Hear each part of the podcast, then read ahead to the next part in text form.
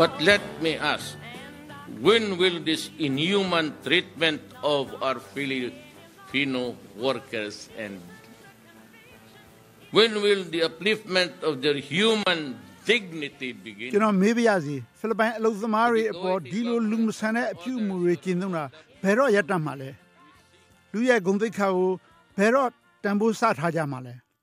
ကုဝိတ်အစိုးရအပြင်ဖိလစ်ပိုင်အလုပ်သမားတွေငှားရမ်းလုပ်ကင်တဲ့နိုင်ငံတွေအားလုံးမှာလူကျင့်ဝတ်နဲ့ပတ်သက်လို့လေးစားလိုက်နာမယ်လို့ကျွန်တော်တို့မျှော်လင့်ပါတယ်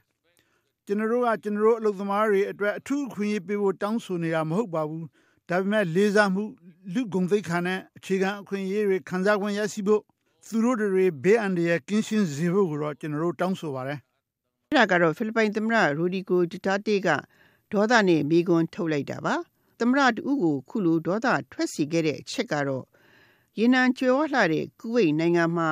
အင်အကူဖြစ်သွားရောက်လုပ်ကင်ခဲ့တဲ့ဖိလစ်ပိုင်အမျိုးသမီးအသက်29နှစ်အရွယ်ဂျိုအန်နာဒန်နီယလာဒမဖီလစ်ရဲ့အလောင်းကိုဖေရီလာ9ရက်နေ့က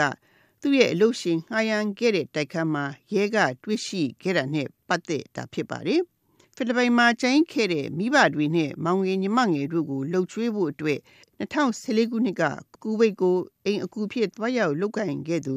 ဂျိုဝနာဒမဖီလစ်ဟာဖိလစ်ပိုင်ရှိမိသားစုနဲ့တစ်နှစ်ကို၃ကြိမ်သာဆက်သွယ်ခွင့်ရရှိခဲ့ပြီး2016ခုနှစ်မှာတော့သူ့ထံကဘာမှသတင်းမကြားရတဲ့အတွက်ကြောင့်မိဘတွေက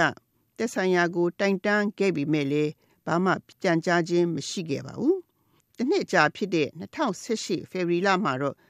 သူ့ရဲ့အလုပ်ရှင်တွေဖြစ်တဲ့စီးရီးယားနိုင်ငံသားနဲ့ လက်ဘနန်နိုင်ငံသူဇနီးမောင်နှံတို့ဟာအပ်ရှဘပ်ရက်ွက်နေတိုက်ခန်းကနေပြောင်းသွားခဲ့ပြီးရဲကဝင်ရောက်ရှာဖွေခဲ့ရမှာဂျိုဝနာဒမဖီလစ်ရဲ့အလောင်းကိုရေခဲတတာဖရီဇာထဲမှာတွေ့ရှိခဲ့တာပါ။သူ့ရဲ့အလောင်းကိုဆေးစစ်ရမှာလဲ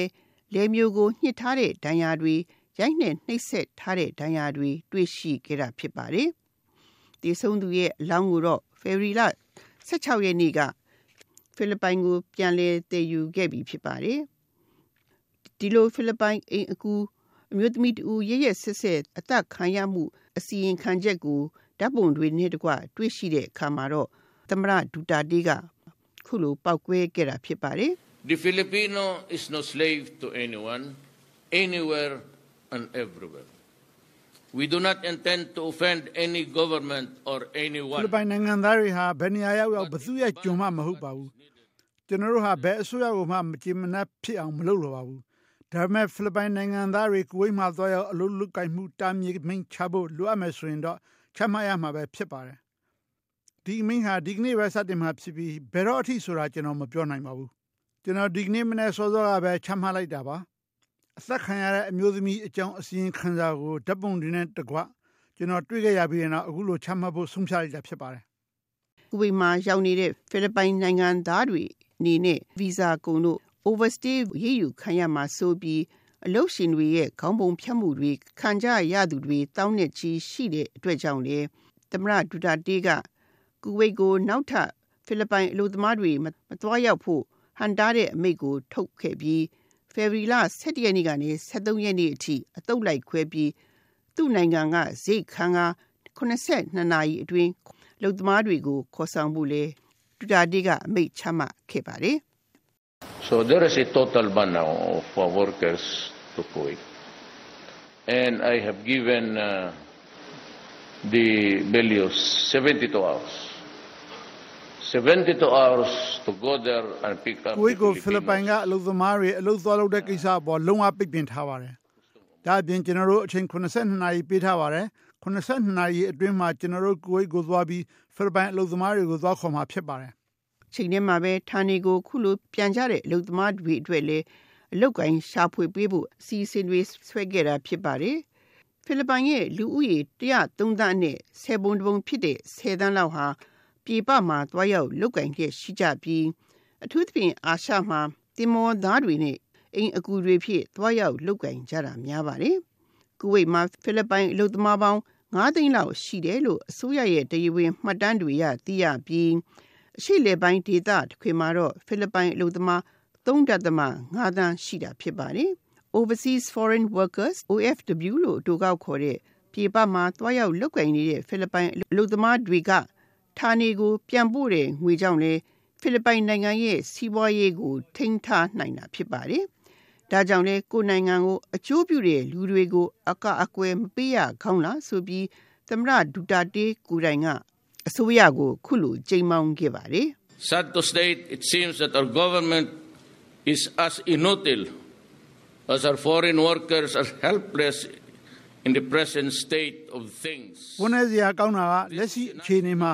ကျွန်တော်တို့နိုင်ငံခြားရောက်အလုပ်သမားတွေကအကူရမဲ့ဖြစ်နေတယ်လို့ကျွန်တော်တို့အစိုးရကလည်းအသုံးမကျပဲဖြစ်နေတဲ့အချက်ပါပဲဒါဟာကျွန်တော်တို့နိုင်ငံအတွက်ဆက်စရာပါနိုင်ငံခြားမှာသွားအလုပ်လုပ်နေတဲ့အလုပ်သမားတွေဟာကျွန်တော်တို့ရဲ့ခေတ်သစ်စရဲကောင်းတွေလို့အစိုးရဂုဏ်ယူစွာပြောခဲ့တာပါ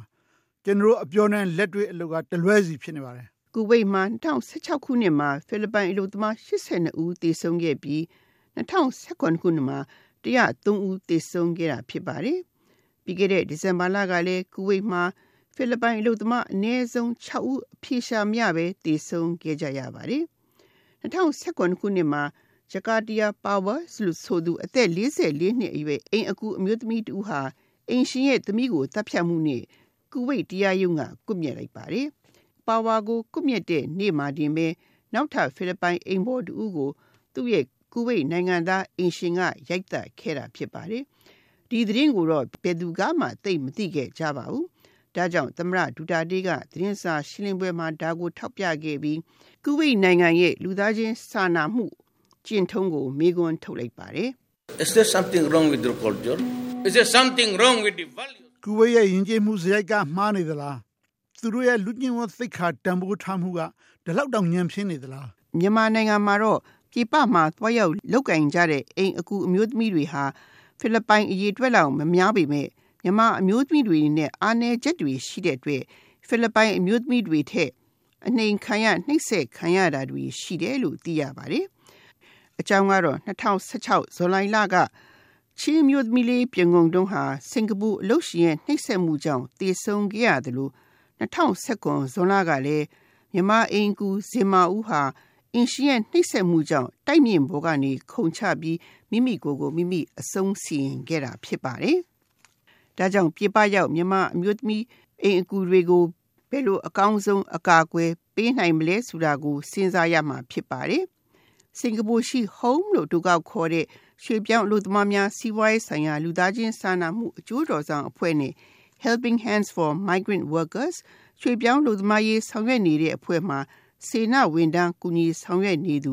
ဦးတင်မောင်ဝင်းကိုမေးချခဲ့ပါတယ်။မတစ်ကပါလဲဆိုလို့ရှိရင်အင်းကူလူသမားတွေဒီကိုထွက်လာပြီးတော့အလုပ်လုပ်ဖို့အတွက်ကိုနော်အစိုးရလေးပြီးတော့ဥပဒေလေးတစ်ခုတော့ပြဋ္ဌာန်းပြင်တယ်လို့ကျွန်တော်ရှင်း။ပတ်ဆိုလို့ရှိရင် terms of contract ဆိုအဲ့ကျတော့ဘာတွေပါမလဲအလုပ်ချင်းကဘယ်လောက်အဲအဲ့ဒါမျိုးတွေကိုအစိုးရတွေပြောဥပမာဖိလစ်ပင်းမှာဆိုလို့ရှိရင်သူကဘာလဲဆိုရင်သူက migrant workers and overseas philippines act ဆိုပြီးတော့သူ့မှာရှိတယ်ပြီးတဲ့အခါကျတော့ဒီ recruitment and employment of overseas workers rules and regulations ဆိုပြီးတော့သူကအဲ့ဒါတွေရှိတယ်ကျွန်တော်တို့ဗမာရေးကြတဲ့အခါကျတော့ဘာဖြစ်လဲဆိုလို့ရင်သူက